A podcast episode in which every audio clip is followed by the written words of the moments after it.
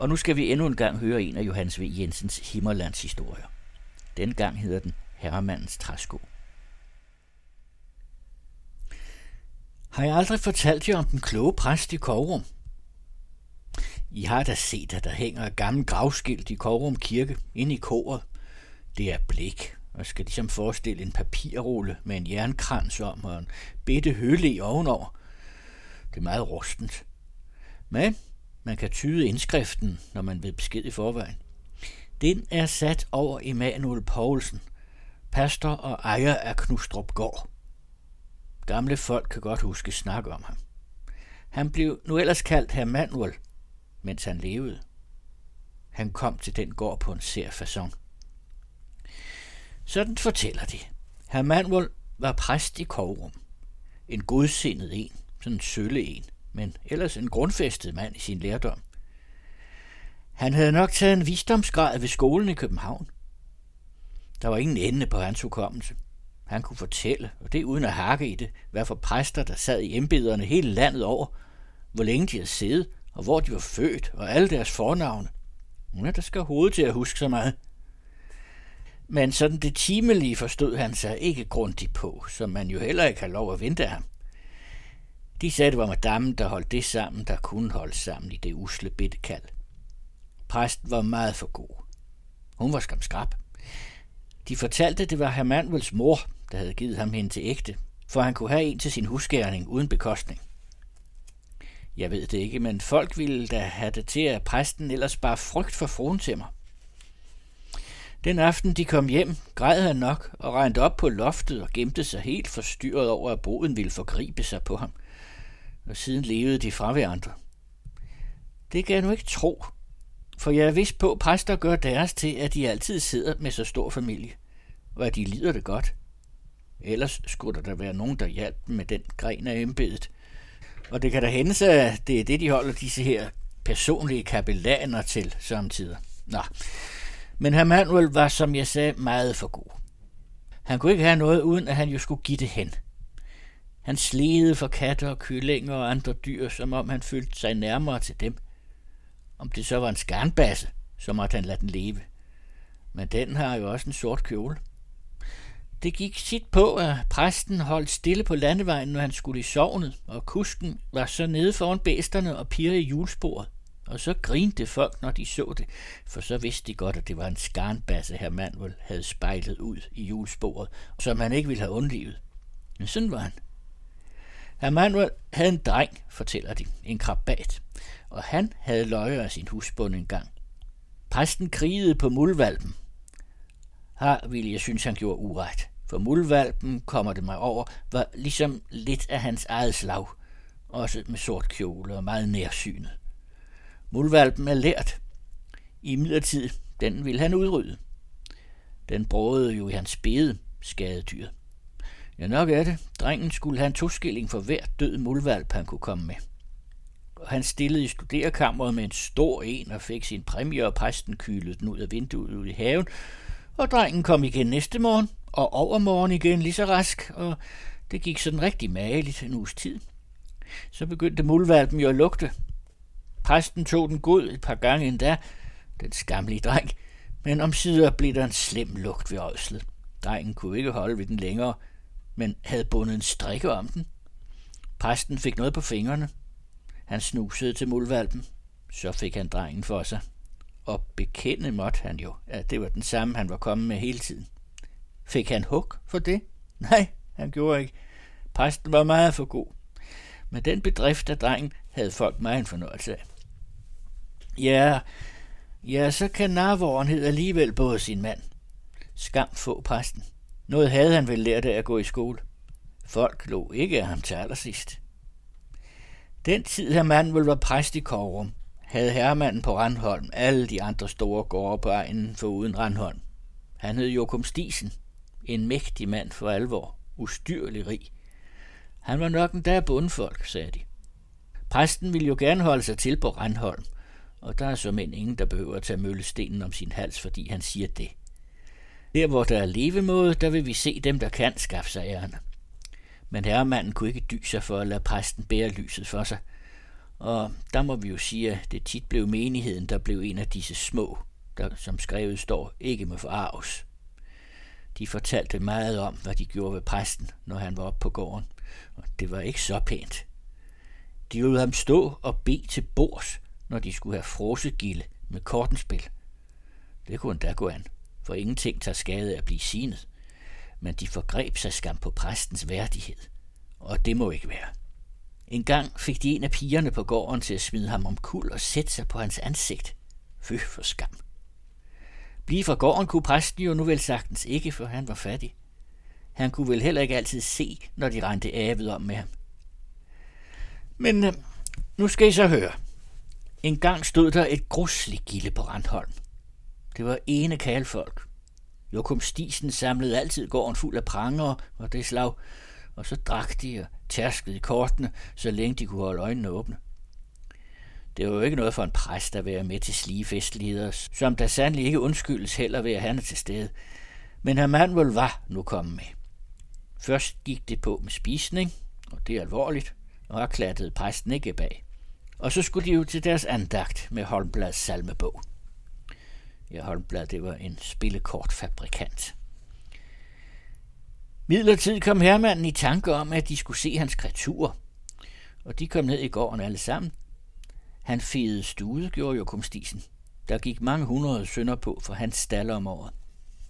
Nu var der smadring i gården. Der var smattet. Og præsten ville først ikke ud i det med sine blanklæderstøvler. Og så tag min træsko på, sagde herremanden, og stak i af flere. Det vil sige, han fnisede. Han pegede på dem. De stod i gangen, og alle de andre syntes jo også, at det var en vittig spas. For træskoene var så store. Det var et par rent alvældigt store træsko. Nu om stunder er det sjældent med skovbotræsko. Nu bruges overledertræsko, men dengang havde de ene skovbotræsko. De var svære, og da de ville sprække, måtte man lægge jerngjorde om dem. Jokum Stisen var nu så meget rasende stor igen. Han var en pryl med store fødder. Det var to jævne tro at se til, og de var rundeligt beslået med jern. Præsten skottede til dem, og de tykke grinebidere forlystede sig. Men han tog dem sandelig på. Ligesom om han ville give dem en påmindelse og en lærer i sagt modighed. De inspicerede sig studene, og den bitte præst gik og stokkede omkring i de her urimelig store træsko, som man næsten kunne vende fødderne i, ligesom et barn. De lagde jo til ham. Han skulle ikke være bange for at gå om kul i pladringen, for han var tungest i den nedre ende, og med den befordring kunne han færge over vandet, og hvad de nu kunne hit på. Men så er det jo kom Stisen veller, at kunne præsten gå med sådan et par træsko på fødderne til Hamburg, så vågede han Knustrup gård. Om det var et vedmål, sagde præsten lige så rask. Ja, det skulle gælde. Jokum Stisen skrubgrinte, og de andre havde også deres morskab af at se præsten gjort til nar. Men uh, det har I hørt. Det er I vidner på, siger herr Manuel. Og han ind og sætte træskoene fra sig og afsted hjem. De grinte, så de var færdige at sprække. Jokum Stisen blev noget korn ildfaren. Det gjorde han nu da præsten sådan lod til at gøre det til alvor og gik sin vej. Og før aftenstid, da de havde spillet korten fire timer, så de herr Manuel komme kørende ind i gården med sin holstenske vogn. Madammen var med. Kalen sad foran og var kusk. Hvad skulle det betyde? Da de kom ud og skulle se, var vognen stoppet fuld af brød og kød og andre madvarer, et anker øl, og præsten forlangte at få de store træsko på og komme afsted. Jakob Stisen blev virkelig forstemt. Han kom først med undskyldninger, gjorde også et godt tilbud i penge, hvis præsten ville falde fra sin beslutning, men herr Manuel var ham forøget i standhaftighed ind til enden. Han lod sig ikke friste fra sit forsæt ved udsigt til en mindre gevinst straks. Vi skal jo sætte os de store mål. Nægte kunne jo Stisen ikke, dertil var der for mange vidner. Så slog han sig kalkunsk, bande og troede og skilte præsten ud for de aller værste navne. Men også det skal man jo gå i sig selv og tåle, skal man ikke? Den bitte præst var nu kommet i tanke om at gøre korstoget. Hvordan han havde fået madammen snakket omkring, er ikke godt at sige. Kan ske sig, kunne hun denne ene gang se det kloge i, hvad tordenhovedet ville tage sig for. Hun var lige så stint som ham. Knustrup Gård var jo også nok et beskidt foretagende værd. Der blev han pinet hængende ved det, Jokum Stisen. Nogle af de andre ville snakke præsten fra det, fordi de syntes, det var sært. Ja, var det ikke mere end sært? Han kom hovedkuls ud af sit embede på den måde, forestillede de ham. Hvad var det her for noget? Men han forlangte at komme i træskoene og begyndte på selvpinslen. Så prøvede de igen at grine imod for ham, men madammen stod ham bi. Hun kæftede op fra ægestolen, og det var en havl, som man slog øjnene ned for, når hun tog på vej. Det stod længe på, inden de kunne blive enige. Jokum Stisen tabte besindelsen af harme og ville slå præsten. De måtte holde ham. Om sider føjede han sig og smed træskoene ud i skidtet til dem. Nu kunne præsten, så bandede han, sejle helvede til i dem. Han skændte ham. Men der havde han jo selv sørget for, at herr Mandvel fik øvelsen. Herr Mandvel ikke så meget som svarede igen. Han var så ydmyg af hjertet. Han tog træskoene på. Det var hans alvor. Han havde trukket tre par tykke uldhoser på for at fylde troende nogenledes ud. Han var en klein og skrøbelig mand. Hvor måtte han fik modet fra? Fra sin overbevisning, må vi vel sige. De kunne ikke lade være at stormle, da han nu stod i den positur som en pilgrim, der har en lang og møjsommelig vej for sig. Men så fik de at se, hvad han og konen havde spekuleret ud. De lod kusken køre til i malig skridtgang, og så tog præsten fat med begge sine hænder i bagsmækken af vognen. Det støttede jo. Det var en mægtig hjælp. Men at han gik, det kunne jo ingen benægte. Sådan drog det ud af gården. Fra Randholm og til Hamburg. Det er det meste af Jylland igennem. Det tog herr Manuel en måned og 11 dage. Man skulle ikke tro, at han førte det igennem, men det gjorde han skam. Præsten stokkede sine 3-4 mil om dagen, samtidig mere, samtidig mindre. Mange genvordigheder havde han, og meget måtte han udstå af folk. Nogle troede, han var forstyrret og ville have ham sat fast. Andre overfusede ham for den synd, han begik. En præst, det var jo ikke noget lige. Jeg ville nu forsvare ham, for hvor mange har mod til at foretage sig en tåbelighed nu mere. Jeg synes, at han skulle have haft en medalje for det.